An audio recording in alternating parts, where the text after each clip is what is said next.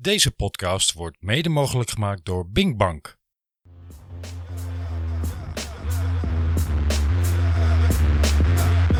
Hier een spiegel, vermijd hem of kijk erin, maar begrijp dat dan pas het gezeik begint. Ik ben een heel gedreven persoon. Gewoon net iets beter, net iets harder, net iets verder. Proberen de podcast met Jan-Willem van Schip. Een samenwerking van Beat Cycling en Velofilie Podcast. Ik heb nu niks te verliezen, behalve mijn tijd, tijd, tijd, tijd. Goedemiddag Don. Goedemiddag Camille. We zitten vandaag op de Zuidas in Amsterdam. En niet zomaar, hè? Heb je om je heen gekeken? Ja, prachtig uitzicht. Ja, we zitten, ik weet niet of dit de bovenste verdieping is, maar eh, we kijken wel over de stad uit. Ja, we kijken echt letterlijk op de urban jungle die de Zuidas is. Voor mij eh, vertrouwde grond vanuit vroeger. Maar we zitten hier niet alleen. We zitten weer met Jan Willem. Ja, ja. Welkom Jan Willem. Ja, welkom. Oké, dames en heren, en welkom bij Proberen de Podcast. We zijn alweer aanbeland bij het voorlopige einde van deze vijfdelige reis. Ondertussen is de eerste aflevering live gegaan en wil ik met gepaste trots, na veel grote zweetplekken, vertellen dat ik het echt heel vet vond om dit te proberen. Want zoals je weet is de skill van proberen voor iedereen hetzelfde. Het ziet er alleen anders uit. Dus ja, of we nou gaan wielrennen, BMX'en, bergbeklimmen, shorttrekken, risotto koken, of misschien wel roeien of zelfs operatie uitvoeren, of dan toch de boel leiding geven, we proberen allemaal. En vandaag vervolg ik mijn reis. Op zoek naar net iets beter, net iets sneller en net iets verder. In de hoop aan het denken te zetten. En in de hoop aan het denken gezet te worden. Met vandaag als gast Saskia Klep, de baas van Bink Nederland. Maar wat ben je dan eigenlijk? En afgezien van dat het heel tof klinkt, waar ben je dan goed in? En dat brengt mij bij de fascinatie van deze vrouw. Normaal ben ik gewend dat degene met de grootste uitslagen het hoogste woord heeft. Die mag de leider zijn. En als iets niet lekker loopt, zijn de uitslagen de plek waar je je frustratie om gaat zetten in energie. De uitslagen bepalen voor een groot deel wat je waard bent. Maar hoe werkt dat in een wereld zonder deze uitslagen? Wat ben je dan waard? Hoe meet je dan je succes? Wanneer doe je het goed en wanneer doe je het fout? Toen ik dit introotje aan het maken was, gebeurde er wat. Ik moest bekennen dat ik het niet zo goed wist allemaal. Ik realiseerde me dat ik niet zoveel verstand had van het bankwezen of directeuren. Ik voelde me kwetsbaar en vond het spannend. Ik was bang dat ik het niet wist en fout zou doen. Maar goed, wat doe je dan? Ik haalde de tijger van stal en kwam uit bij ik en mijn taak. Wat is mijn taak in deze podcast? Namelijk proberen te leren. En zette de spanning om in een kans. Een kans om te leren. Want wat doet deze mevrouw als ze het niet weet? Als de spanning oploopt, de risico's en de sommen geld groter en groter worden. Hoe coacht zij zichzelf? En wat vindt zij van kwetsbaarheid? Is het mogelijk als leider kwetsbaar te zijn? Kun je dan nog fouten maken? En als dat gebeurt, hoe ga je daarmee om? Het is duidelijk dat we in een wereld zijn beland waar het draait om het vermogen van je hersenen. Want waarschijnlijk zal ze ook erkennen dat het in deze wereld altijd net iets beter, net iets sneller en net iets verder kan. Maar wanneer trek je dan eigenlijk aan de rem? Want van vermogen leveren op de fiets weet ik alles. Maar hoe houd je het vermogen van je hersenen zo hoog mogelijk? We zijn vandaag in Amsterdam en worden aan het denken gezet door Saskia Klep. Maar om niet met twee gestrekte benen te beginnen, zoals altijd de eerste vraag. Saskia, wat is voor jou nu het hoogtepunt van de Zuidas? Ik ben nog even helemaal onder de indruk van jouw intro. Je hebt Yes! volgens mij... Heel goed. Het was wel een hele mooie, Jan Willem. Ja? wat fijn. Ja. Volgens mij heb je ook al alles gezegd. Ik zou niet meer weten wat ik eraan toe moet voegen. Oké. Wat was je vraag ook weer? Nou ja, laten we anders maar gewoon verder gaan met gewoon waar we echt beginnen. Waar, waar ben jij goed in? Dat zijn altijd van die hele moeilijke vragen. Ik denk waar ik goed in ben is van iets heel groots iets ehm, kleiners maken. Zodanig dat het behapbaar wordt.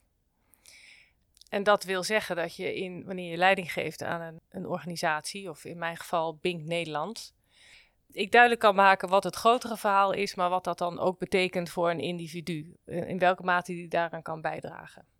Oké. Dus motivatie op individueel niveau. Dat is motivatie, maar dat is ook het begrijpelijk maken voor mensen. Dus als je hele grote doelen hebt, dan is het soms zo moeilijk te bepalen wat jouw kleine bijdrage daarin wordt. Want Mhm. sommige dingen, je kunt het namelijk nooit alleen. Dat is eigenlijk denk ik waar het over gaat. Dus als jij een bepaald binnen het bedrijf ook gaat het vaak natuurlijk over budgetten die we moeten halen of eh, projecten die tot een einde moeten komen. En er zitten altijd afhankelijkheden in van anderen en andere afdelingen en andere collega's. Mhm. En soms ook gewoon buiten de bank heb je afhankelijkheden. Maar de vraag is natuurlijk altijd, wat kan je daar zelf aan bijdragen? En Mhm. ik denk dat, het, dat, dat ik in staat ben om dat voor anderen behapbaar te maken. En, en zich dan dus inderdaad committeerd kunnen voelen aan zo'n doel. Wat cool. Dus eigenlijk misschien van het hele grote plaatje. Dus van de hele grote trap met, met het grote doel helemaal bovenaan. Een soort van voor die ene persoon die eerste traptreden kunnen zien Ja. en kunnen uitleggen. Ja. Wat tof. En, en wat was het moment dat je dacht van nou, dit vind ik tof om te doen? Wanneer dacht je van nou, dit wil ik graag doen? Ja, ik kan me eigenlijk helemaal niet zo'n moment herinneren dat ik dacht van, di- dit is wat ik doe. De vraag is ook nog steeds wat je dan precies doet eigenlijk, hè? Mhm, mhm. ja, Ja, ja. dus het gaat natuurlijk heel vaak, en dat vragen mijn kinderen natuurlijk ook vaak, wat doe jij dan de hele dag op werk? Want eigenlijk ben ik de hele dag aan het praten met allerlei mensen en dat zien zij nu ook. Dus zij hebben mij de afgelopen vier maanden ook eh, thuis zien werken en zich verbaasd over het feit dat ik de hele dag eigenlijk alleen maar aan het kletsen ben met iedereen. Ja, ja, ja. Dus dat is wat je doet. Maar waar, je de, waar ik zelf de energie uit haal, is als je de connectie kan voelen met mensen. Of als je eh, samen het gevoel hebt dat je ergens de schouders onder zet. Dat het duidelijk is waar we aan werken. Dat dat doel wat we dan voor Business Unit Nederland of Bing Bank Mhm. Nederland voor ogen hebben, dat dat is wat we gaan doen. En als je ziet dat iemand dan enthousiast wordt van datgene wat hij of zij daaraan kan bijdragen ja. dat vind ik leuk om te zien en eh, leuk om te doen. En je rolt daarin. Ja, ik ben ook maar door, er doorheen gerold, zou ik willen zeggen.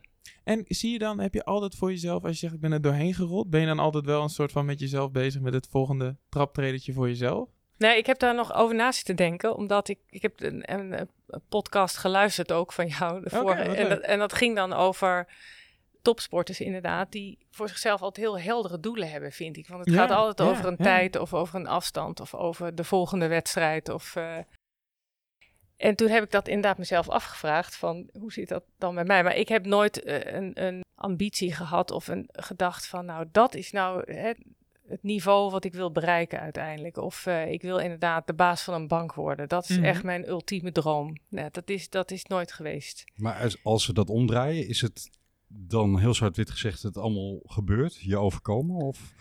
Nee, want het, zijn, het zit veel dichter bij mezelf. Dus het gaat inderdaad over het, het zelf beter worden. En het zelf ook je eigen grenzen verleggen. En zien dat je ook nog niet aan je grens zit. Dus het is vaak wat mij dan is opgevallen ge- gedurende mijn carrière. Is dat ik met andere mensen sprak en dacht: Goh, wat jij doet, kan ik ook. En misschien wel beter. Ah, cool. En dan is dat dus je volgende ja, doel, is het dan niet eens. Maar dan, dan, dat ging ik dan gewoon doen. Hoe dan ook. En dat is eigenlijk wat er tot nu toe is gebeurd. Maar dat denk jij ook, Jan-Willem. hè? Ik bedoel, als jij eh, met 30 man eh, op de baan eh, om je heen staat, dan kijk jij de 29 ook aan van, eh, ik ben beter dan jullie. Toch? Ja, misschien wel. Maar ik denk wel dat het heel belangrijk is om een soort van... Je moet wel eerst die stap zien. Want als je Ja. het niet ziet... Ik bedoel, ik heb wel eens een keer... Ik heb één keer meegedaan aan de Ronde van Vlaanderen. En dat was niet super groot succes. Ik werd daar 50 of zo. Maar het was wel dat je daar bent. En dat je soort van ziet van... Hé, hey, ik word op dit moment daar afgereden. Maar het is nu... Dat je een soort van... Die stap moet je wel helder hebben. Je moet wel een soort van iemand zien die net een stapje verder is. En dan denk je van... Hé, hey, ja, dat zou ik ook kunnen. En dan, dan kun je inderdaad net één stapje verder ontwikkelen. Ja. Dus dat is wel cool. Ik ben heel benieuwd, Saskia. Je zegt, je hebt eigenlijk altijd gedacht, dat vind ik interessant. Als je naar een rol van een ander keek. En je dacht dan misschien automatisch ook wel, eh, misschien kan ik het wel beter dan dat. Of zonder misschien. Is dat zelfvertrouwen een, een natuurlijke eigenschap van je? Of Nee, want eh, dat eh, denken is nog niet daar zijn. Hè? Dus eh, vervolgens moet je dan daar ook nog komen. Of, Mhm, of je, moet er, je moet jezelf uitdagen om daar te komen. Het, Ja. i- het is, je ziet mensen aan de gang en denkt... God, doe jij dat zo? Ik zou dat echt heel anders doen. En ik denk dat dat beter zou zijn. Weet je, Mhm. dat, dat is eigenlijk misschien de, meer de gedachte. Maar ik zit niet op die stoel. Dus hoe kom je daar dan? En dan kan je natuurlijk... En, en dat, dat is even wat jij in je inleiding ook noemde. Het is een mentaal spel hè, uiteindelijk. Het zijn, Mhm. het zijn je hersenen die eh, Ja, jou wel ja. of niet vooruit helpen ook. Ja. Dus in welke mate word je tegengehouden door je eigen gedachten? Dat is vaak namelijk het geval. Ja, En volgens mij is dat dus wel heel erg wat topsporters ook hebben. Dus je mentale uitdaging of daar overheen durven stappen. Of ja, ik denk dat dat niet zoveel verschilt met elke andere. Nee, nee dat, dat denk ik ook niet. En een soort van in, in, deze, in de vier afleveringen hiervoor kwam ook een soort van... is de erkenning dat je iets wil doen en dat je ergens voor wil gaan... dat is vaak best wel een he- hekelend punt. Want zoals, ja, jij bent nu inderdaad op een punt... Dat, dat, dat mensen het logisch vinden wat je doet, zeg maar. Maar vooral in het streven naar die top... of zoals bijvoorbeeld zoals Wilco van Rooij... die probeerde alsmaar uit te leggen aan zijn moeder... dat hij deed bergbeklimmen, maar die begreep het niet echt. En toen gaandeweg het maken van deze podcast kwam ik er eigenlijk achter van je hebt een soort van zelferkenning. Noem- Noemde, noemde Don dat zo mooi. Dat je hebt een soort van zelferkenning nodig. Dat je inderdaad tegen jezelf durft te zeggen van... hé, hey, ik denk dat ik dat stapje kan maken. Zou je, zou je het zo kunnen uitleggen? Zou je het dan kunnen volgen? Dat het, dat het dat is? Dat je het vanuit jezelf moet denken van... ik kan dit? Nee, nou eigenlijk niet, want daar was ik dan eigenlijk wel van overtuigd. dat het Oké, dat- daar was je al van overtuigd dat Ja. het kon. Ja, Ik zag een ander en dacht, ja, dat kan ik ook. klaar. En dat is het En gewoon. beter. En, en soms dacht ik ook, echt, en ik kan het ook beter. Ja. Maar de vraag is, hoe kom je daar? En dan, dan zie je dat dat niet vanzelf gaat en betekent dat je in beweging moet komen om, om daar te komen. En weet je, er wordt natuurlijk ook in, in de... Ik heb gedurende mijn carrière eh, een aantal adviezen gekregen die mij daar wel in hebben geholpen. En dat waren bijna altijd dan mensen met meer ervaring. Mhm. En dat begon eigenlijk al heel jong. Dus als stagiair was er. Ik liep in die tijd. eh, ik heb economie gestudeerd in Rotterdam. En eh, ik had nog geen baan. Het was in die tijd nog best lastig om een eh, baan te krijgen. En toen ben ik tijdelijk stage gaan doen bij de frozen food van Unilever. Hm. Op de financiële afdeling. Ik vond het verder niet heel boeiend, maar het was leuk om in een werkomgeving te zijn en daar ervaring op te doen. En er was een, eh, een, een Belgische meneer, een leider daar, en die eh, zwaaide af. Die ging met pensioen. En die zei tegen mij: Saskia, ik geef je één advies voor je carrière. Zorg altijd dat je een goede baas hebt. Zo zei hij het ook. De meeste baas vindt vreselijk om baas genoemd te worden, maar goed, dat terzijde. Mhm. Zorg altijd dat je, daar, dat je een goede baas hebt. En wat hij daarmee bedoelde was: zorg dat er iemand is die jou helpt in je ontwikkeling, die, die jou verder wil helpen. Want er zijn ook bazen die dat helemaal niet willen. Die Mhm. hebben helemaal geen zin Mhm. om. Of voel je Iemand- zich bedreigd? of, nou, eh, ja. dat zit er dan vaak achter, hè? Dat, je, dat ze zich bedreigd voelen. Nou, die heb ik wel bijvoorbeeld in mijn oren geknoopt. Dus op het moment dat dat niet zo was, en dat heb ik gelukkig niet heel vaak meegemaakt, maar zeker wel één keer heel duidelijk meegemaakt, Mhm. moest ik de keuze maken, ik moet hier dus weg. Dus dat betekent dat je jezelf moet dwingen om een, in beweging te komen. En een ander advies was, ehm, het gevo- Mag, mag ik nog heel Ja. kort vragen naar die, naar, die, naar, die, eh, naar die goede baas? Wat is, hoe definieer je dus een goede baas? Wat, wat, wat, is die, wat heeft diegene dan om jou verder te helpen? Kun je dat definiëren? Nou, die geeft ruimte voor groei, voor jouw persoonlijke groei. En dat kan op allerlei manieren zijn. Dat kan zijn doordat die persoon letterlijk ruimte maakt, hè, dus jouw verantwoordelijkheden geeft. Dat kan zijn door eh, geïnteresseerd te zijn in jouw persoonlijke ontwikkeling en je daar ook bij te willen helpen door bepaalde training of opleiding te doen. Dat is iemand die tijd neemt om feedback te geven, om jou beter te maken. Dus dat is dan opbouwende feedback.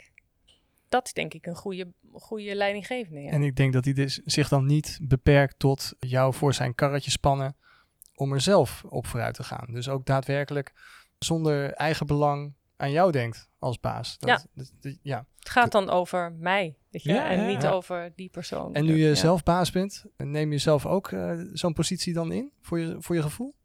Ik probeer dat wel te doen. Ik probeer mensen wel verder te helpen. En als baas moet je soms ook moeilijke besluiten nemen door mensen te laten gaan. Hè? Dat komt ook voor. Maar zelfs dat kan iemand he- vooruit helpen. Dus het is vaak hè, daar waar ontslag vaak gezien wordt. We gaan een beetje van links naar rechts. Maar goed, eh, daar waar ontslag vaak ook gezien wordt eh, in Nederland, denk ik ook als een, ehm, een, een verlies, als een, eh, een afgang. Een afwijzing? Een af- afwijzing is natuurlijk, wordt het vaak zo gevoeld. Hè? Dat snap ik ook hoor, dat mensen dat zo voelen. Want iemand gaat dan natuurlijk niet vrijwillig weg. Die wordt gevraagd weg te gaan. Maar het kan nog steeds iemand helpen in zijn groei, wou ik maar zeggen. Het Ja. kan op dat moment, je kunt het ook uitleggen als ja, op dit moment is het bedrijf in een fase waarin jouw talent nu niet gevraagd wordt of niet nodig is. Dus jouw talent kan heel goed ergens anders weer passen, maar nu hier, niet, nu hier even niet. Vaak wordt het gevoeld alsof het een signaal is, je hebt geen talent. Terwijl Je bent niet goed genoeg. Ja, Ja, precies. Maar eigenlijk is het, daar waar je goed in bent, past nu niet binnen onze organisatie. ja exact. Ja, ja. Dat Dus- is wel natuurlijk belangrijk om dat ook juist over te kunnen brengen op mensen. Hm. Is dat dan een, eh, een, een... Want jullie hebben een, een fusie meegemaakt hè, als Binkbank. Een fusie of een overname van, door Saxo Bank. de overname, ja. Ja. Ik kan me voorstellen dat daar ook nog wel het een en ander aan reorganisatie achter gezeten heeft. Dus dat je deze situatie de afgelopen jaren veel tegen bent gekomen. Klopt dat? Ja, die zijn we al wel in één, die zijn we nu één keer tegengekomen Ja. inderdaad. We hebben begin dit jaar eh, helaas een aantal collega's moeten laten gaan. En dat heeft alles te maken met eh, de integratie met Saxo Bank. Ja, dat klopt. Ja. Ja. En, en heb je daar dan, als je dan terugdenkt, eh, je gaat zo'n gesprek in met iemand of je moet een, een afdeling of een aantal mensen een, een nou ja, hè, slecht nieuwsboodschap gaan brengen. heb je dan teruggedacht aan de ervaringen die je in het verleden daarover zelf opgedaan hebt? Zeg maar hoe leidinggevenden die jij gehad hebt daarmee omgingen? Ja, nou of goed. is dat echt een human aspect wat in jezelf zit? Ja, ik, ik denk eerder dat laatste. Kijk, waar het over ging, over die goede baas, was meer hè, de ruimte krijgen om te groeien. Mhm. Dit gaat, vind ik, ook echt over wel. Je moet eerlijk zijn tegen mensen. Je kunt ni- niks anders doen op zo'n moment dan gewoon open en eerlijk te zijn. Ja. Over Mhm. wat de situatie is en wa- ja, wat er aan de hand is. Dus gewoon eh, niet omheen draaien. Nee, precies. Maar en, en, en dat, dat, dat open en eerlijk zijn, dat haalde ik ook al aan in de, in de intro met die kwetsbaarheid. Hè? Van dat je inderdaad, je moet ook een soort van openstellen van dat, je het, dat je het niet weet. Hè? Of dat er dingen pijnlijk duidelijk worden als je zo'n gesprek hebt tussen, tussen je baas en jou. Wat kun je daarover meegeven? Want dat is wel nodig om jezelf te ontwikkelen. Je moet wel accepteren dat er dingen zijn die bijvoorbeeld minder, minder zijn. Die worden dus zichtbaar. En die moet je dus gaan omzetten en jezelf verbeteren. Kun je uitleggen hoe je dat hebt gedaan? En dan, dan gaat het over mijzelf. Hè? Ja, dus die, in die kwetsbaarheid. Ja. ja. Ja, nou goed, je loopt natuurlijk altijd wel en heb no- ook nog steeds tegen muren op. En dat je denkt, eh, jeetje, ik weet even niet hoe ik hiermee om moet gaan. En vervolgens is de vraag, je hebt, je hebt bijna een soort automatische reactie. Hè? Dus dat kan frustratie zijn of boosheid omdat dingen niet lukken. Of omdat anderen misschien jou de weg afsnijden of zo. Mhm, mhm. En de, de, kracht, de kracht die je moet zien te vinden is dat je daar overheen stapt. Weet je, en dat, dat, dat inzicht, ja, ik weet niet hoe ik het precies uit moet leggen, maar het is een soort inzicht wat je bij jezelf gaat Mhm. creëren. Dat jouw gedrag of jouw reactie ook bepaalt hoe je hieruit gaat komen. Het zijn niet anderen die voor jou dat gaan bepalen. Je moet het zelf doen. Mhm. Dus het gaat over jouw eigen nou, reactie daarop. Maar ik weet niet of dat nou precies antwoord is op jouw vraag. Ja, ik denk het wel. Ik vind het wel interessant. Ja, het, het, het, zeg maar, de, uiteindelijk is ook een soort van de, nou ja, wat, wat ik zo zat te denken van, nou ja, hoe, het is inderdaad hoe je ermee omgaat, zeg maar. Hè? Iemand maakt iets pijnlijk duidelijk en, en je kan bijvoorbeeld in het wielrennen is het vaak duidelijker, hè. Je wordt bijvoorbeeld op een of andere klim, word je er gewoon afgereden. En dan, dan zou je kunnen zeggen van, oké, ja, je moet jezelf inderdaad, je kunt, je kunt er heel erg van balen, je kunt heel erg die frustratie, zoals je al zegt, die kun je aanhalen. Maar ik denk dat, het, dat de truc is dat je dus in de spiegel gaat kijken. En als het over bergop wielrennen gaat, is dat letterlijk van hé, hey, ik ben er hier afge- afgereden. Ja, wat weeg ik eigenlijk, weet je wel? Ja, dat is wel interessant met topsport, denk ik. Want dat doe je dan altijd zelf. Je kan echt niemand anders de schuld geven. Dat is in het bedrijfsleven natuurlijk toch nog wel anders. Hè? Je kunt eigenlijk altijd nog wel het Mhm. excuus aangaan dat het aan iemand anders ligt en nooit aan jezelf. Ja? En dat is, wel, en dat En- is denk ik, ja. Ja, en hoe ga je daar dan mee om? Wat, wat, wat moet je dan doen volgens jou? Nou, dat is dus heel ineffectief. Da- Maar dat doen heel veel mensen. Die, Mhm. gaan, die gaan anderen de schuld geven van eh, hun eigen, nou ja, eh, het, niet lukken. Weet je? Dat- Ja, dat- dat- en, en de vraag is, dat is natuurlijk heel vaak helemaal niet het geval. Want een ander is het nooit op aarde om jou het leven zuur te maken. Meestal niet. Dat komt natuurlijk wel voor, maar meestal is dat echt niet het geval. Ja. Dus eh, eh, die ander heeft iets gedaan, wellicht. Maar dat is niet om jou te pesten. Dat is omdat, omdat er andere dingen spelen waar jij misschien niks van af weet. Mhm. Dus je zult toch echt zelf aan de bak moeten om, het, om de situatie te wijzigen. Ja. Ja, vind ik wel vet. Vind ik wel mooi. Ja. Zeker. Ja. Proep, proep, proep. Als ik iets kan leren van iemand, dan vlieg ik met twee gestrekte benen in. Die spiegel vermijdt hem of kijk erin. Maar begrijp dat dan pas het gezeik begint. Dat Maar- zit in onze eer- intro. Het, het klinkt natuurlijk makkelijker gezegd dan gedaan. Want dit is natuurlijk voor heel veel mensen heel erg confronterend. En wordt het andersom dan naar jou persoonlijk ook? Zit daar reflectie van mensen om je heen eh, bij? Of hoe leer jij daar zelf weer van dan? Nou, ik, ik, leer van mijn eigen baas ook, zou je kunnen Ja. zeggen. En daar heb ik gesprekken over. Er zijn, ehm, ja, ik, ik deel wel met mensen als ik eh, ergens tegenaan loop of, eh, of als ik iets moeilijk vind. Dat vind ik ook helemaal niet moeilijk om te doen, eerlijk gezegd. Nee. Ik vind het ook niet moeilijk om te zeggen dat ik het niet weet. Want ook daar, dat zei ik eerder al, eh, weet je, je doet het niet alleen. Tenminste, heb ik eerder vandaag gezegd, toevallig. Weet je, we zijn, ik heb ook niet alle talent die nodig is om een eh, bank te leiden. Weet je, ik heb bepaald talent en da daardoor functioneer ik in deze rol. Maar ik heb niet alle talent die nodig is. Nee, daar zijn ook weer anderen voor. Dus je doet het altijd met elkaar. Hè? Dus het is Mhm. een inclusief verhaal. Dus als ik iets niet weet, dan is, vind ik, dat vind ik ook echt niet erg. Ik hoef niet alles te weten. Of ik hoef Nee, ook niet alles te. Ja, kunnen. ja, ja. Er zijn ook anderen voor die dat dan goed kunnen. Of beter kunnen. En, en is het nog een soort van, ik vind dat wel tof. Je, is het nog, ehm, want ik herken dat heel erg. Van, ik vind het ook nooit erg als ik iets niet weet. Dan denk oké, ja, cool. Dan ga ik iets leren. Dus net, net als dat ik hier ben of met deze podcast. Ja, het is spannend, maar ik ga het leren. Heb je nog het gevoel dat het veranderd is, zeg maar? Omdat je natuurlijk, je begint onderaan de ladder en nu sta je hoger. Dat het, dat het erkennen dat je het niet weet, dat, dat, dat het perspectief is veranderd? Ja, echt heel erg, vind ik. Ja? Eh, ja, ik vind wel dat daar in de sector ook, en dan de financiële sector ook wel is veranderd. En ik kan mij nog herinneren in mijn vorige baan, toen ik eh, ook een leidinggevende rol had. Een van mijn collega's zei, Saskia, ze zijn allemaal bang voor je volgende vraag. Want ik kon rustig zeggen, ja, ik snap het niet. Leg het nou nog Mhm. eens uit. Ja, ja, ja. Maar wat, wat dan vaak eh, gebeurde was dat dan mensen het antwoord ook niet hadden. Maar die probeerden daar een beetje omheen te praten. En dan zei ik ook, ik vind het niet erg als je het niet weet. Als je het de volgende keer maar weet. ja, ja. Want het gaat erom dat we, als je grip wil hebben, ook in een organisatie als dit, als je grip wil hebben op, op de situatie, op het bedrijf, op wat er gaande is, dan moet je ook snappen wat er gebeurt. Dus als jij het niet snapt, ja, ga het dan vragen aan een van jouw mensen hoe het zit.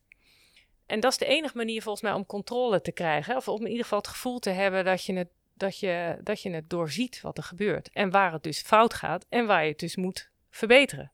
Als we er met z'n allen omheen blijven praten, dan kom je nooit tot de kern. Mhm. Dus dat vragen stellen vind ik helemaal niet erg. Dat is gewoon, ik, ik zeg dan ook, ik snap het niet. Leg het nog eens uit. En, en hoe, hoe, hoe lukt het? Want hoe lukt het dan als, als, als je... Want het kan ook een beetje gaan schuren, zeg maar. Want, want het kan ook zijn dat iemand, iemand voelt zich natuurlijk aangevallen... omdat jij erkent dat je het niet snapt, dat je niet op dezelfde lijn zit. Hoe ga je daarmee om? Ja, daar kan ik dan niet veel mee. Nee? Nee, dan denk ik, ja, nou ja, jammer dat jij dat heel vervelend vindt. Maar laten we gewoon zorgen dat we het weten. Wat cool. Ja, vind ik Ja, dat het vind is ik natuurlijk wel confronterend. Want als iemand... Hè, meest- meestal heb je op een vraag wel een initieel antwoord. Maar als dat antwoord niet het inhoudelijke echte antwoord is... en je krijgt daar een vervolgvraag op van... ja, maar hoe zit het dan echt? Dat voelt als je hebt het niet goed uitgelegd. Ja. Voelt als falen. Ja, maar het voelt ook alsof je zelf eigenlijk ook niet begrijpt waar je het over hebt. Ja, maar dat was natuurlijk soms ook Ja. zo. Ja, precies. En dat is wat jij bedoelt met dat schuren, hè? Dat Ja. mensen zich betrapt voelen of zo. Ja, klopt. Ja, ik, heb, ik, heb nu, ik ben heel benieuwd naar wat is nou de kunst van een goede vraag stellen. Ik ben een boek aan het lezen van Elke Wis. Dat heet eh, Socrates op sneakers. En dat gaat inderdaad ook over de kunst van het vragen stellen. Ja. En dan zit ik, dat, zit ik dat dan ook te proberen. En dan, ja, dan komen mensen een soort van op het punt dat ze het inderdaad niet weten. En dan denk ik van ja, je weet, je weet het gewoon niet. Maar zeg nou dat je het niet weet. Maar dat, dat gebeurt dan niet. En dan, dan wordt het soms, gaat het heel erg schuren. En dat vind ik Ja. echt lastig. Dus dan ben ik heel benieuwd van hoe je daarmee omgaat. Ja, het is natuurlijk wel zo dat je misschien, en ik waarschijnlijk ook, eh, beter zou kunnen zijn in het vragen stellen. Dat is trouwens nog wel een interessant vraag. Want je kunt natuurlijk ook vragen stellen zonder dat iemand zich meteen heel erg aangevallen voelt. Mhm, Dat is een, mhm. dat, hè, dat is Dat, een- dat, is, dat is kunst misschien dat is misschien de kunst. Ik bedoel, die neem ik meteen eh, aan hoor. Dat dat echt ook beter zou kunnen. Wellicht. Maar het gaat hier over dat mensen het antwoord niet hebben. En inderdaad niet durven zeggen dat ze het antwoord niet hebben. Ja, klopt. En, da- en dat is volgens mij funest voor een bedrijf. Dat denk ik echt. Ik denk op het moment dat we. Ja, je moet het willen weten. Ik had toen ook altijd een ehm, adagium, dat was Anna. En dan zei ik, oh, dat is Anna weer. En dan- dat betekende alles navragen, niks aannemen. Want eh, zo was het gewoon. Je moet het wel weten, want anders dan kun je niet ingrijpen als het nodig is. Nee. En helemaal in, een, in de financiële sector, waar natuurlijk best veel mis is gegaan. Mhm. Ik denk om deze reden, dat Ja. mensen dingen aannamen hè, het ging ook altijd over professionals die willen niet aangestuurd worden, want die weten het allemaal wel. En dat is echt onzin. Ook professionals willen aangestuurd worden. Ze willen wel de ruimte krijgen om hun ding te doen waar ze goed in zijn. Mhm. Maar ze vinden het ook fijn om te vertellen dat iets heel goed is gegaan als jij vraagt naar de resultaten. Weet je wel? Ja. Dus, het is- dus het is niet altijd de vragen naar resultaten om erachter te komen of ze gefaald hebben.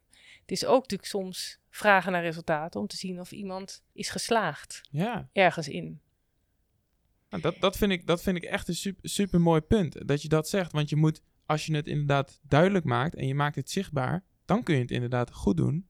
Maar je kunt het ook fout doen. Maar je moet het wel duidelijk maken. En als je het überhaupt niet duidelijk maakt, ja, dan wordt het een soort van één grote pappen en nat houden. En dan heeft niemand een idee wat er gebeurt. En dat, gaat, en dat is wat ik bedoelde met die vragen stellen. Ja. Vervolgens is natuurlijk dan wel, er moet wel ruimte zijn om fouten te maken. Want- Mhm. Want als dat er niet is, dan wordt het onveilig. En dan zullen mensen dus inderdaad helemaal niet graag willen vertellen dat ze iets fout hebben gedaan. Want Ja. dan, dan worden ze afgestraft. Dus dat is de andere kant van de medaille natuurlijk. Dus dat, daar moet je ook wel de sfeer voor creëren. Hè? Dat die openheid kan en mag en, en dat fouten er mogen zijn. Mhm. En, en hoe lukt het dan nu, of hoe eh, heb je dat resultaat bereikt, dat ze voor die vervolgvraag nu geen angst hebben?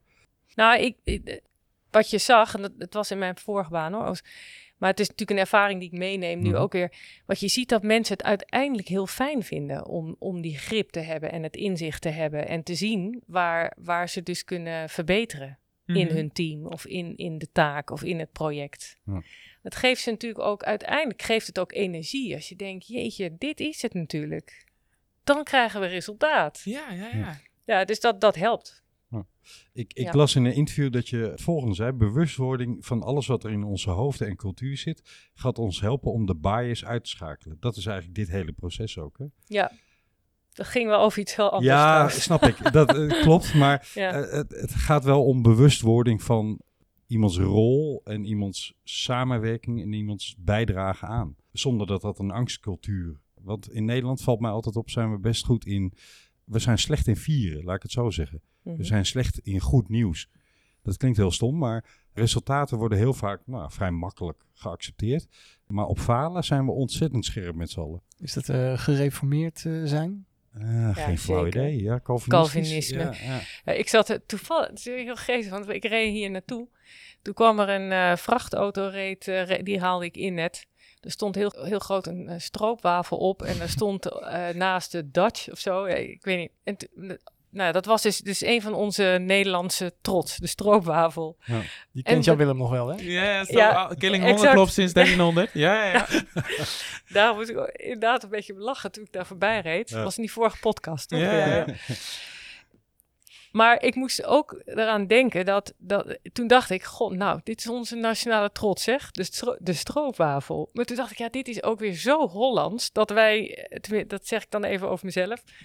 Eh, ik wil niet over andere oordelen daarover, maar dat je dus inderdaad dit, dit soort kleine dingen, wij dus eigenlijk helemaal niet trots op zijn. Nee. Want we vinden het maar een beetje onzin. Een stroopwafel, nou, nou, nou. En kaas, poepoe, als dat nou Nederland is, weet je wel, dat idee.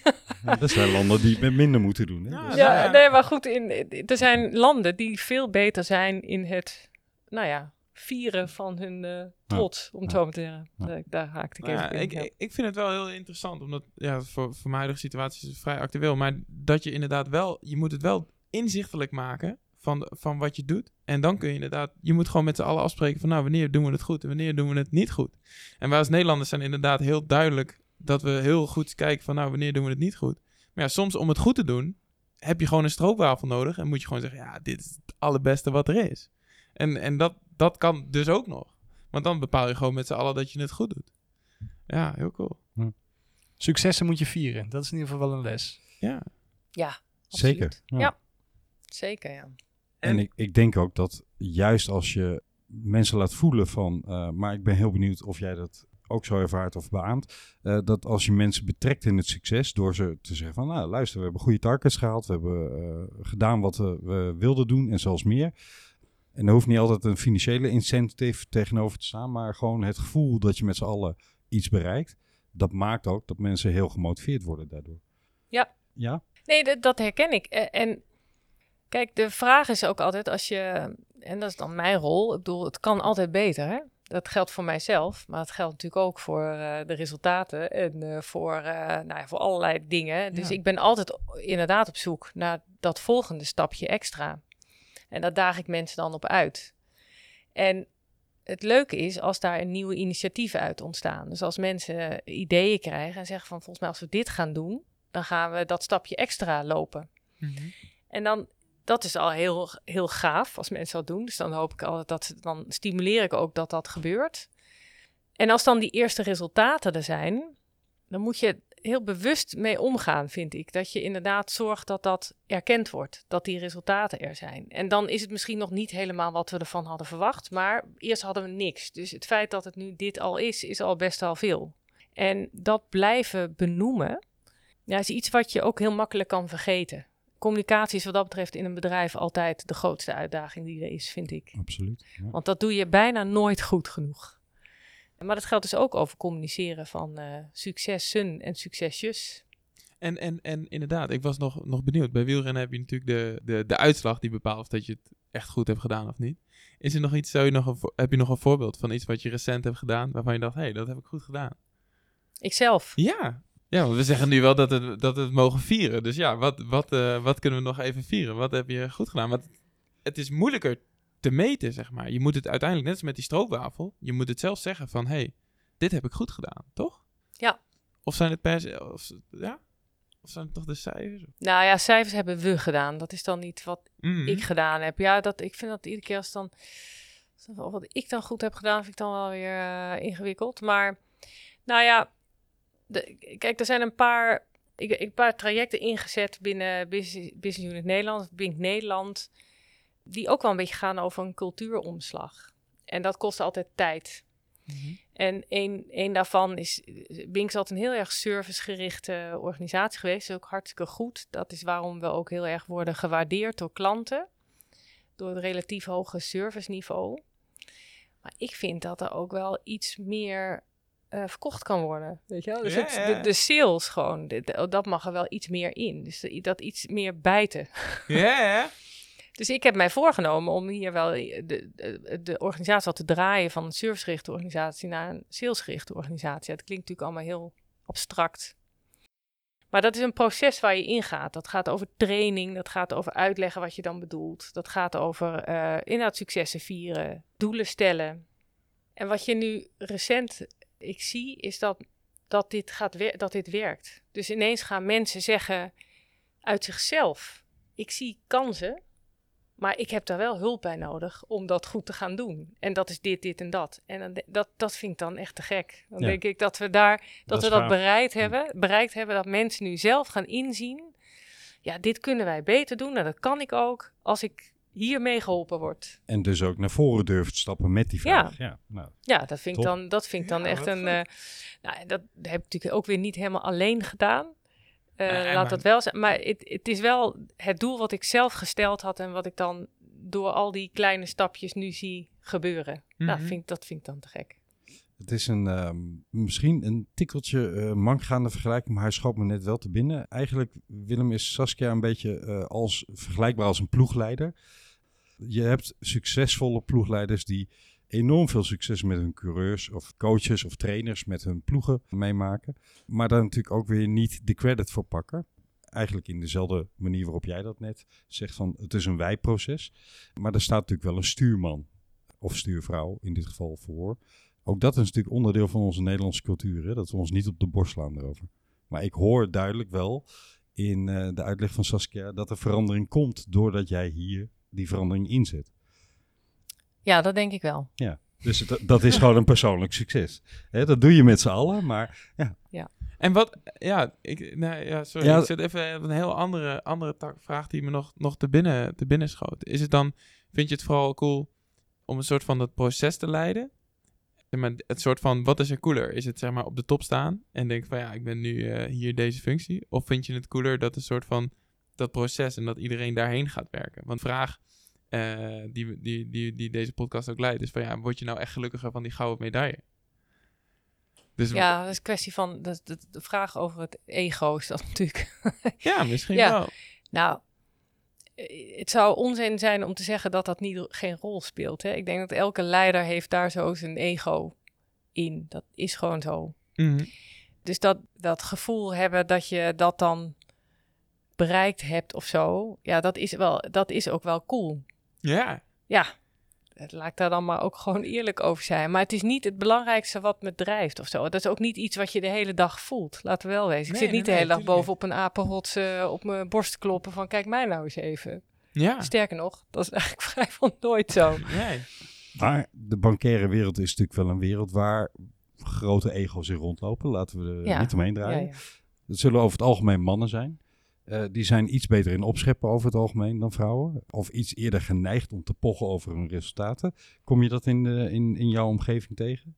Zeker. En hoe, hoe deal je daarmee dan? Want ik hoor aan, dat het aan jou niet besteed is, dat soort verhalen. Maar Nee, maar er niet aan meedoen is dus ook niet handig. nee, Je moet wel Precies. zorgen dat je daar enigszins je plek op eist. Ja.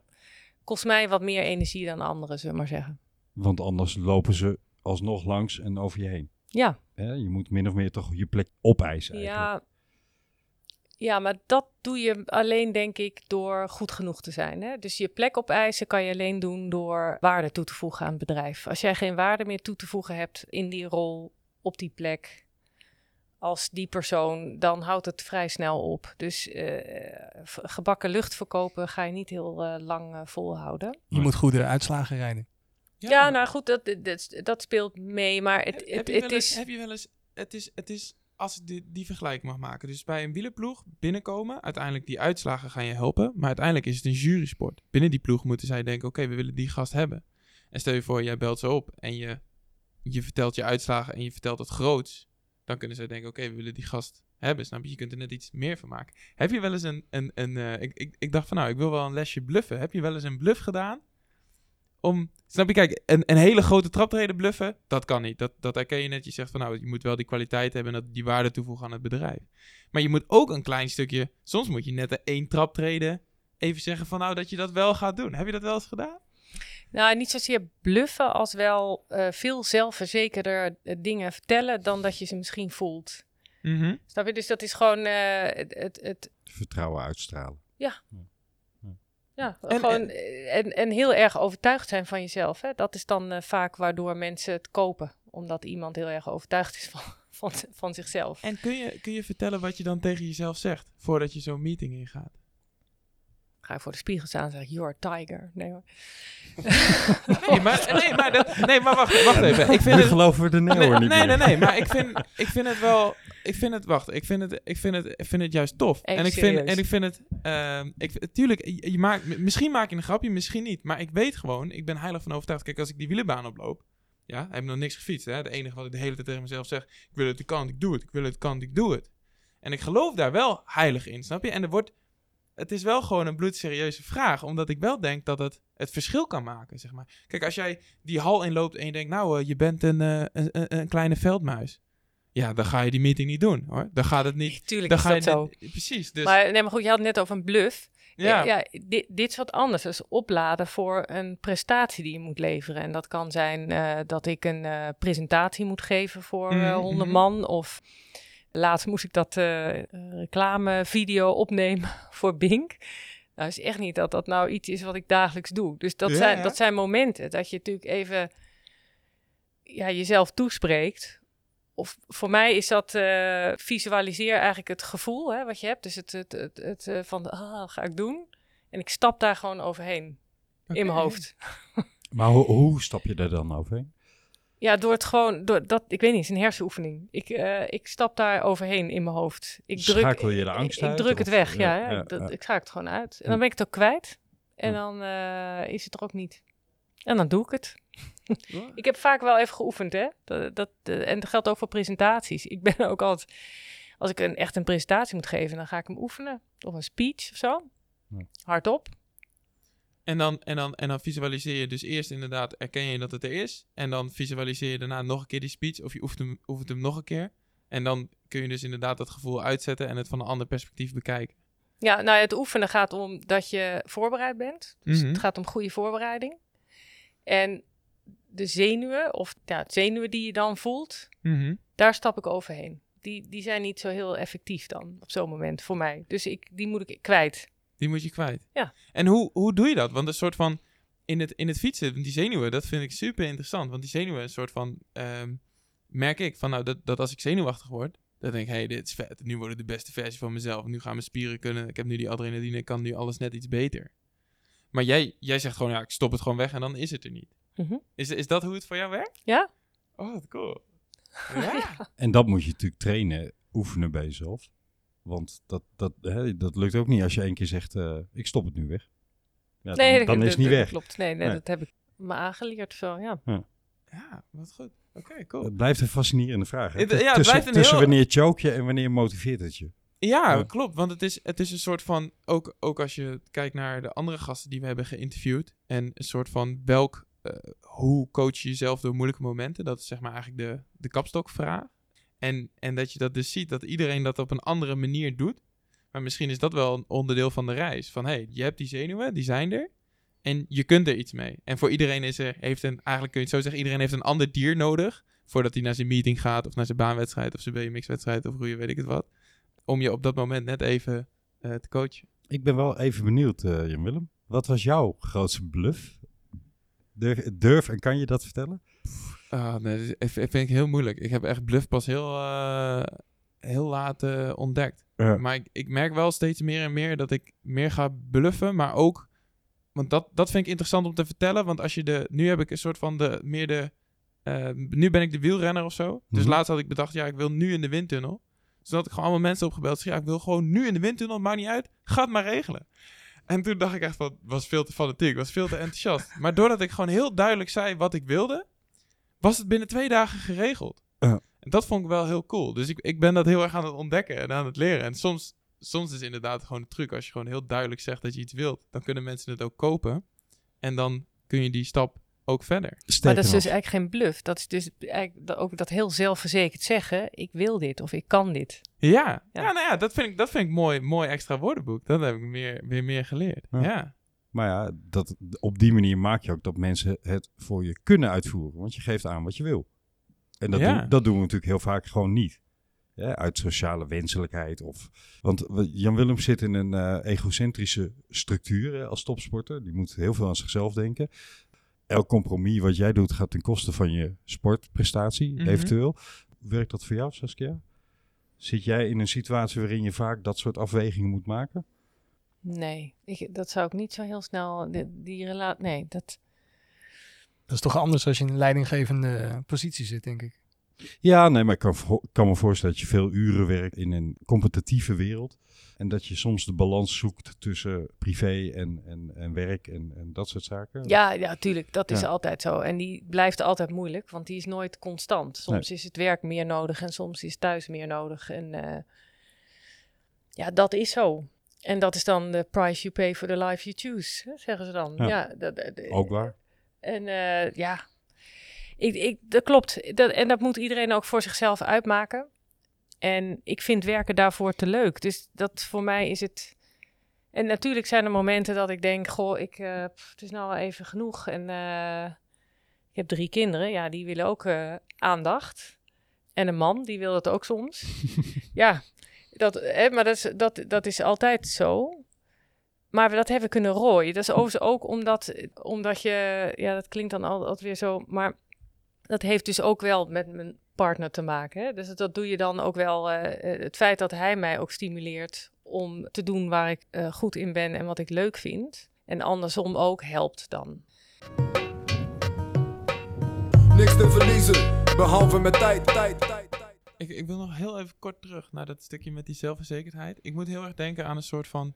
En, en, en dat willen en die, die stapjes maken. Dat ik moet heel erg denken aan van. Ik ging mijn scriptie doen door de universiteit. En toen zei ik gewoon tegen die man van. Hey, ik ga dit doen, maar ik wil ren. Dus we gaan het gewoon we gaan het regelen. Maar ik ga gewoon voor een 6. Dus we moeten gewoon daar naartoe werken. En daardoor wisten we allebei heel goed wat we gingen doen. En had ik uiteindelijk een 6,5 waar ik heel trots op was. Maar een soort van. Jij zegt dus, ik zie die stapjes steeds voor me. En als ik zie dat iemand anders het kan, dan kan ik het ook. Maar dan heb je het nog niet, zeg maar. Moet je dan ook echt nog voor jezelf zeggen van nou, om dat stapje te maken, is dan inderdaad de eerste stap om in je hoofd te zeggen van, ik wil dit doen?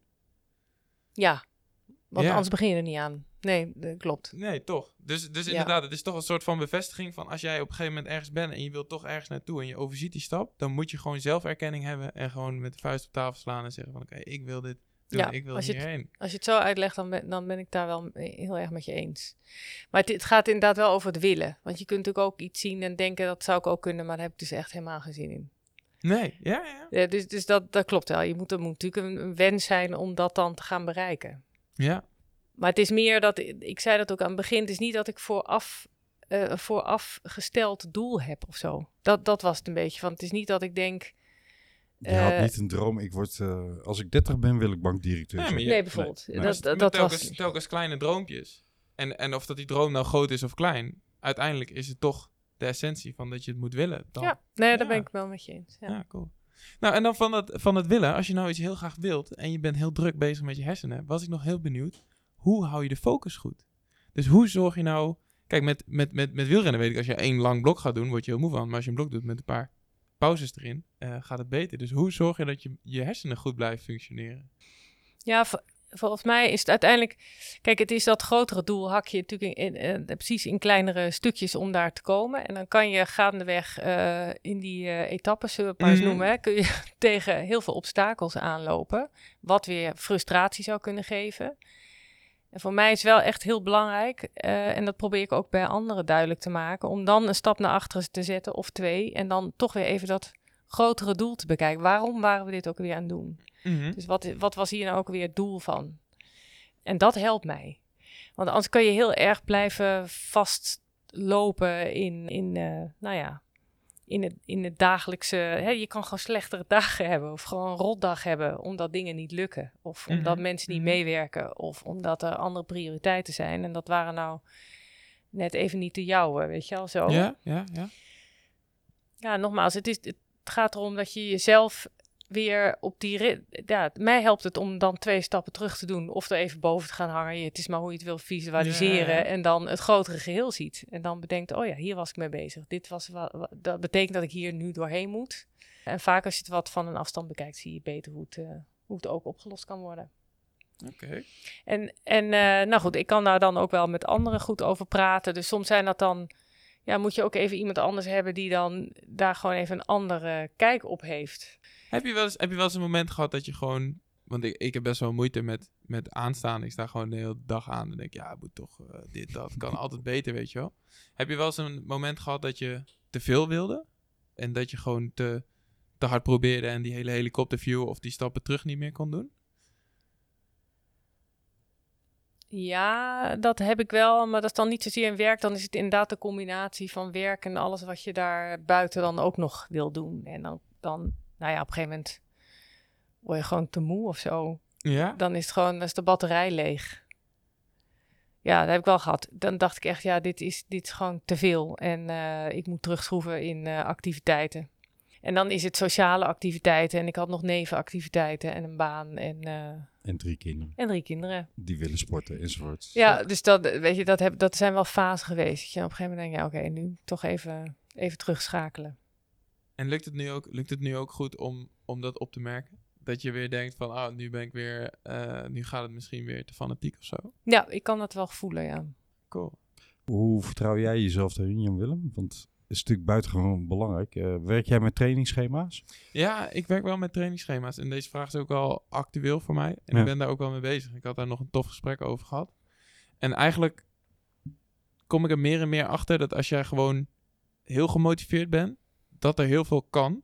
Maar dat het vooral een, een subjectieve waarneming is. Dus zeg maar, wij- je fietst altijd en ik heb een vermogensmeter, een hartslagmeter en snelheidsmeter en weet ik het wat. Je kunt van alles en nog wat meten. Maar eigenlijk kom ik er meer en meer achter dat op een gegeven moment, als er een punt komt dat ik denk van nou, nu heb ik er echt geen zin meer in, dat het dan ook eh, foute boel is in mijn lichaam, zeg maar. Ja. Maar ik merk wel dat, ja, ik heb vorig jaar daarin wel een beetje te veel in een negatieve balans gezeten. Ja, overtraindachtige situatie. Ja, nou ja, ik weet niet hoe, hoe, je, het- hoe, je, hoe je het ook wil noemen, maar... En nu merk ik ook door de corona dat je weer helemaal bent opgeladen. En Ja. dat je dan ineens denkt van, hé, ik ben al deze dingen aan het doen en het, en het gaat gewoon. Ja. Maar het is wel, ik zat wel, ik heb mezelf de vraag gesteld, ik ben er nog niet uit. Van oké, wanneer ga ik nou echt op de rem trappen of zo? Wanneer kom ik weer in het... Hoe, hoe, hoe, hoe ziet die rem uit? Of wat, is, wat, zijn, wat gaan straks de signalen zijn als ik denk van, hé, het gaat niet goed? En ik ben er nu, denk ik dat het ergens in de mentale hoek ligt en niet in de getallen. Want doe, doe jij nou echt alles alleen maar omdat je dat zelf wil? Of ook omdat je iets wil bewijzen naar anderen? Goeie vraag. Allebei, allebei. Ik vind, ik, ik vind het bewijzen vind ik heel cool. Ik vind het gewoon echt eh, fantastisch. Kijk, uiteindelijk is toch in een vol stadion als eerste over die streep komen en gewoon denken, ja, ja, de termen, ja, dan roep je gewoon heel hard, ja, fuck jullie, ik heb het gewoon gedaan, weet je, we beter dan jullie. Dat is echt wel super vet en dat is echt wel een grote drive.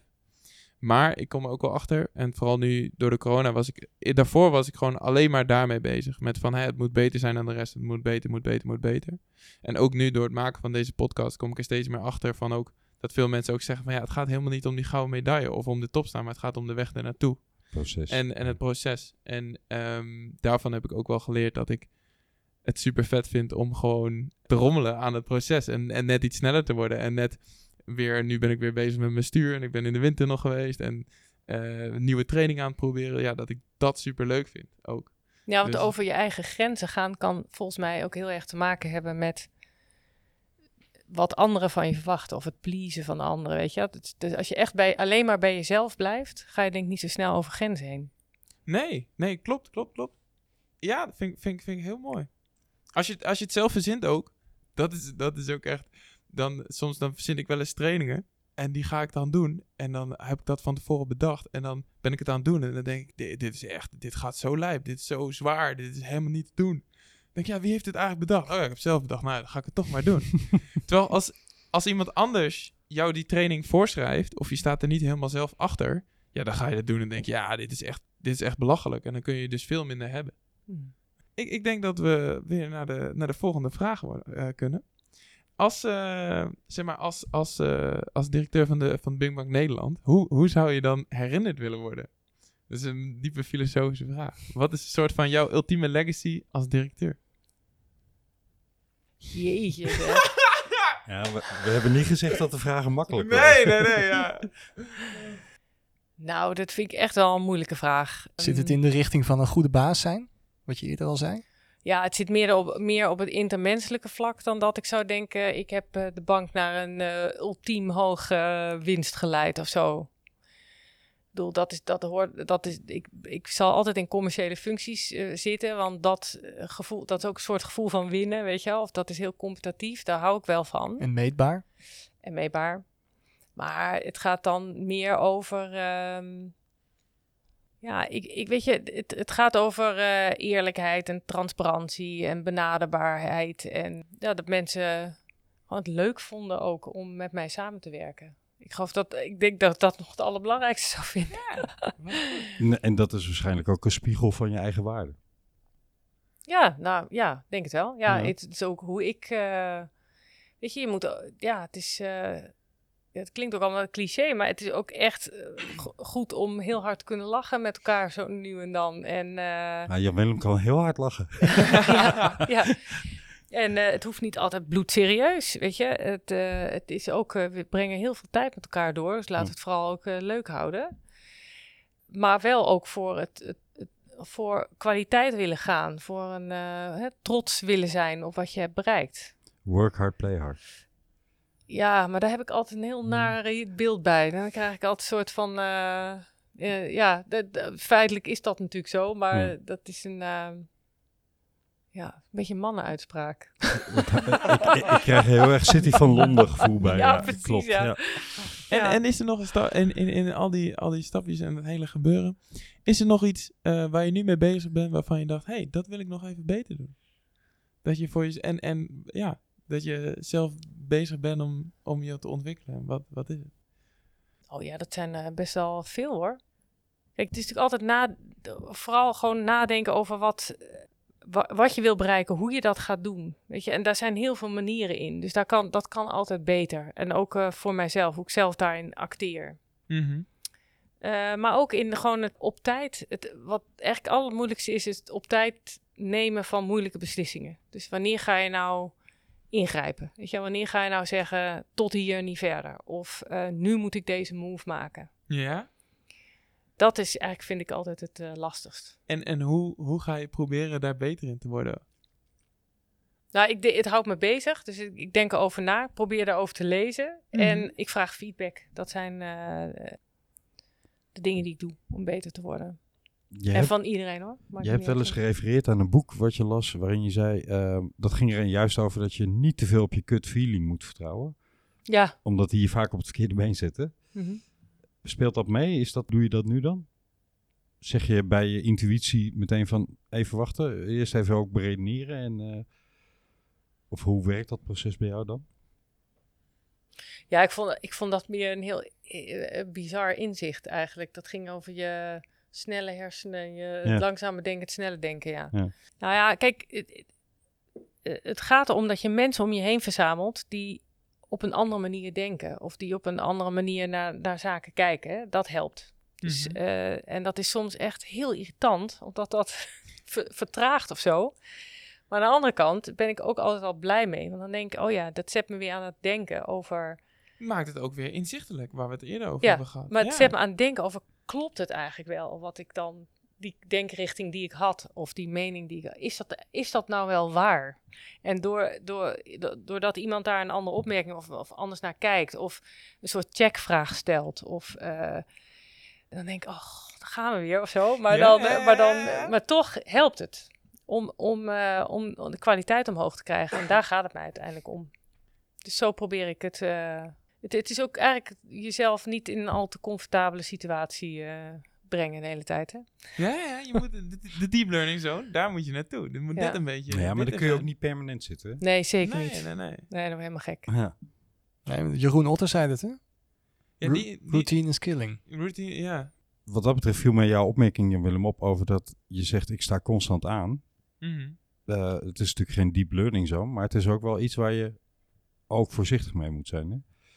Ja, natuurlijk. Het is, je moet die, die balans zoeken. Ja. Dat is, dat is gewoon, gewoon heel belangrijk. En je ziet bij, bij sporters is het vaak op een gegeven moment gewoon duidelijk. Want dan kan je, dan kan, dan kan je, dan kan je lichaam niet meer. Nee. En daarom was ik ook benieuwd van wat is nou een moment of zo. Want ja, je, je, je maakt veel beslissingen. Is er wel eens een moment dat je denkt van hé, hey, wacht even, nu, nu ben ik niet, nu gaan die beslissingen maken. Gaat, dat gaat niet goed. Ja, ik, zeker wel. Ik, dat is vaak als je, te, als je ze te snel neemt. Dat is natuurlijk vaak wanneer het misgaat.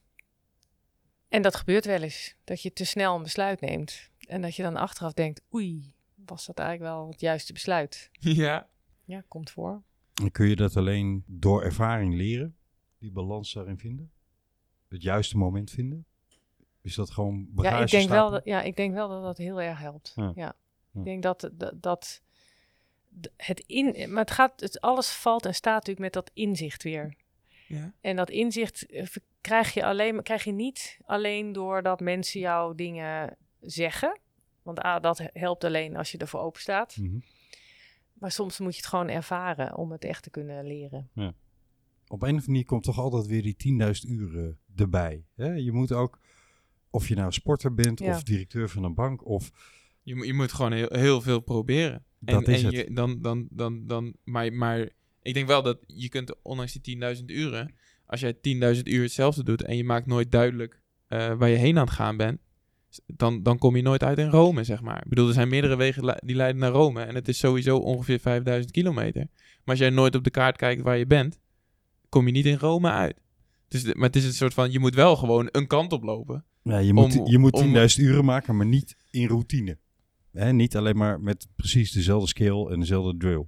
Want dan, dan ben je waarschijnlijk afgedraaid na 10.000 uur. Ja. En telkens, telkens duidelijk maken waar je bent. En zoals Jeroen Otter, die vertelt heel mooi dat, eh, dat je, hebt, je hebt een trap met normale traders. En de laatste traptreden, daar moet je altijd scherp zijn, want die is op aangepast op hoe hoog de verdieping is. Mhm. En hij zei, nou dan moet je dus uit je ogen kijken en dan, moet je, dan word je gedwongen iets te doen. Dus je moet, jezelf, je moet zorgen dat je zoveel mogelijk van die laatste traptreders eh, voor je schoenen werpt. Mhm. Dat, Want dan ga je je ontwikkelen. dat is de parallel met wat jij net zei. Hè? Van, eh, je moet ook niet te veel in je comfortabele zone zitten. Je Nee, moet- je, moet jezelf je niet triggeren. vooruit, Ja. ja. Ja. Nou, Ehm, dat kan wel. Dat ik- kan wel, als, je daarvoor een- kiest. Ik heb een keer een rapportage gelezen over ehm, arbeidsomstandigheden in Nederland. En ik meen me te herinneren dat 7 op de 10 werkende Nederlanders gedurende één of meerdere keren per maand ongemotiveerd naar het werk ging. Ja. En ik meen dat het nog veel extremer was dan ik het nu vertel. Maar omdat ik niet helemaal zeker van die cijfers ben, doe ik het wat voorzichtig. ik vond het in ieder geval schrikwekkend. Ja, ik ook, ja. Ja. Ik, had, ik had het niet gelezen, maar dat lijkt mij heel erg als je dat eh, ervaart. Dat is alsof je op de fiets stapt, Jan Willem, en, en echt denkt... Nou ja, eh, ik heb mijn salaris gehad, maar ehm, deze koers kan me gestolen worden. Ja, wat, wat, wat doe ik hier? Of dat je aan het fietsen bent en dat je denkt, ah, hopelijk hoeven we niet te lang te rijden met de bus naar het hotel. Ja, maar kun je je voorstellen dat je dan wint? Nee, dan gaat het niet, dat gaat niet gebeuren. Toch? Nee, nee, nee klopt. En hoe, hoe ga jij daarmee om, Saskia, eh, binnen een organisatie met veel mensen? Want dat speelt natuurlijk ook bij jullie. Ja, maar het punt is dat die mensen die kunnen niet winnen, maar dat is ook niet hun drijfveer. hè. Een drijfveer is vaak niet winnen. Een drijfveer is ehm, risico vermijden. Ja.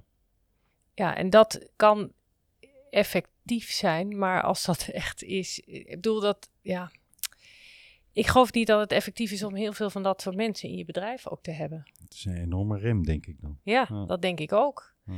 Want zij benutten hun talent niet volledig. Nee.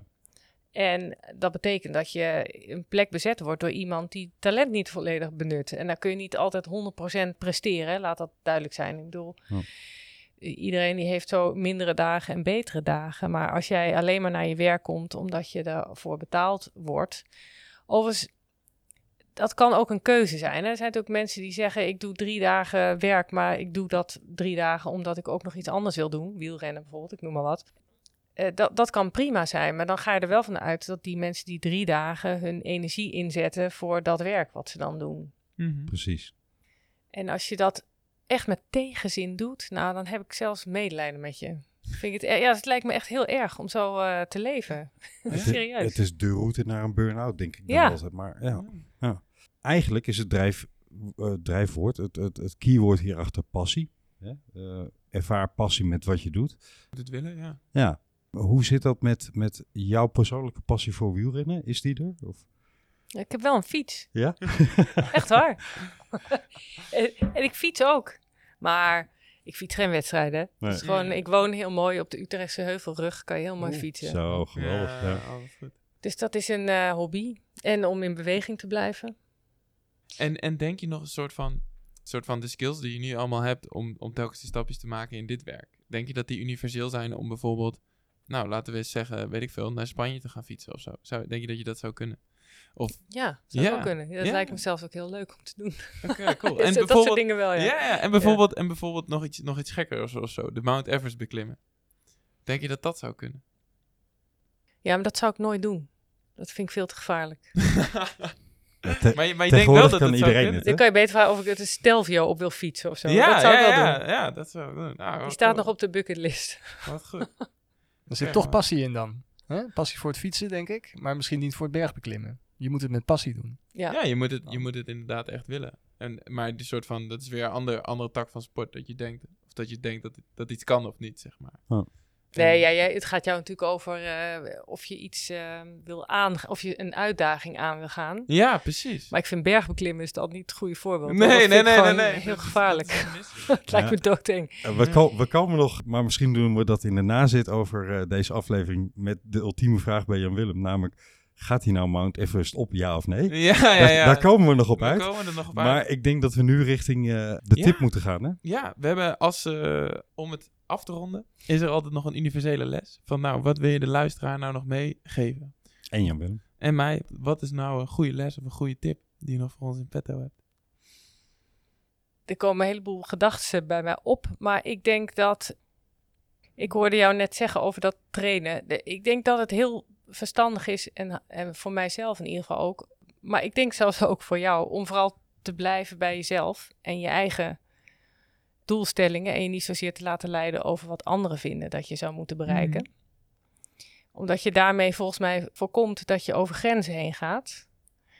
Wat eh, uiteindelijk heel destructief kan zijn Mhm. dan kom je er helemaal nooit.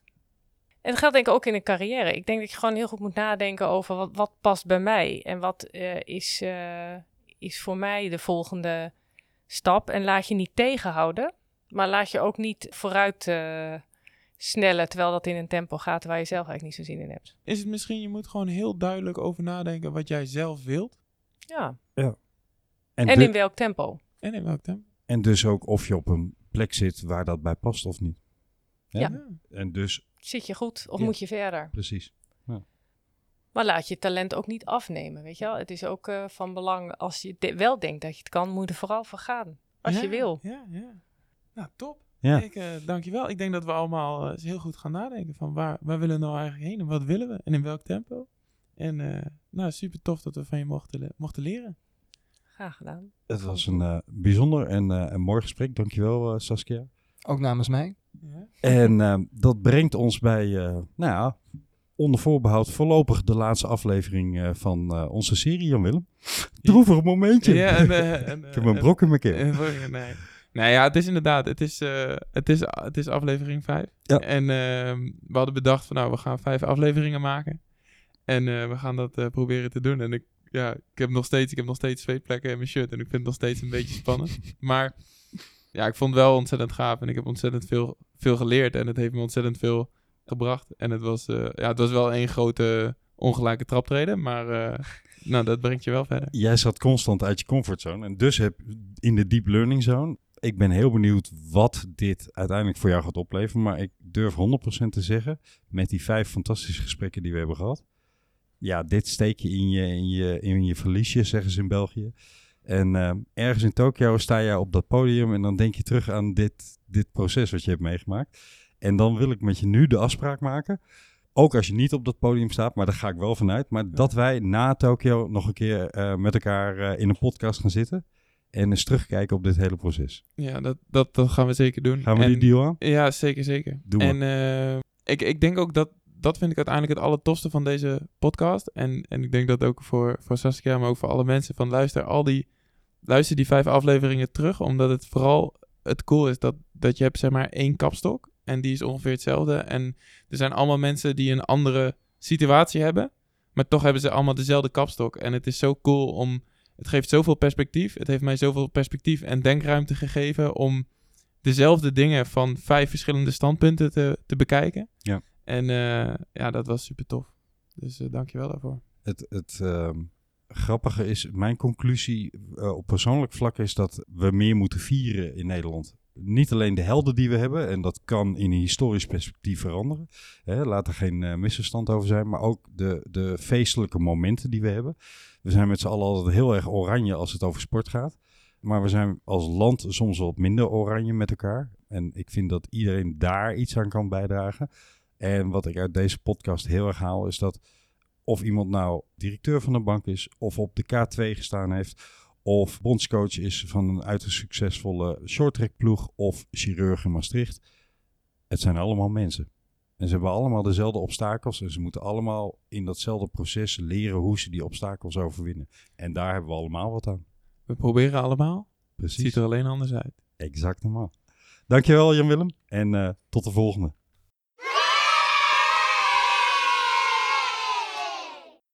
En dan nu een stukje plannen, proberen en evalueren. Ja, dan zijn jullie natuurlijk gewend, beste luisteraars, dat er nu een stukje proberen en evalueren met Jan-Willem van Schip komt. Maar dat zullen we in de laatste aflevering, het voorlopige slotstuk van Proberen de podcast doen, waarin we met Jan-Willem uitgebreid terugkijken op vijf afleveringen van dit leuke avontuur. Een big shout-out to Jan-Willem, first of all, die ondertussen alweer hard aan het koers is heeft onder andere dwars door het Hageland gereden en de Duivenkoers. Veel succes Jan-Willem met de rest van het seizoen.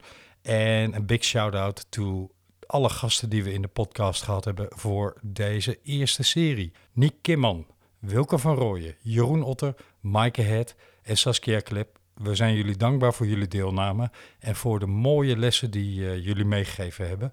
We hebben gezien dat de luisteraars ervan genoten hebben. En eh, een big shout-out ook to Beat Cycling voor het mede mogelijk maken en faciliteren van deze podcast.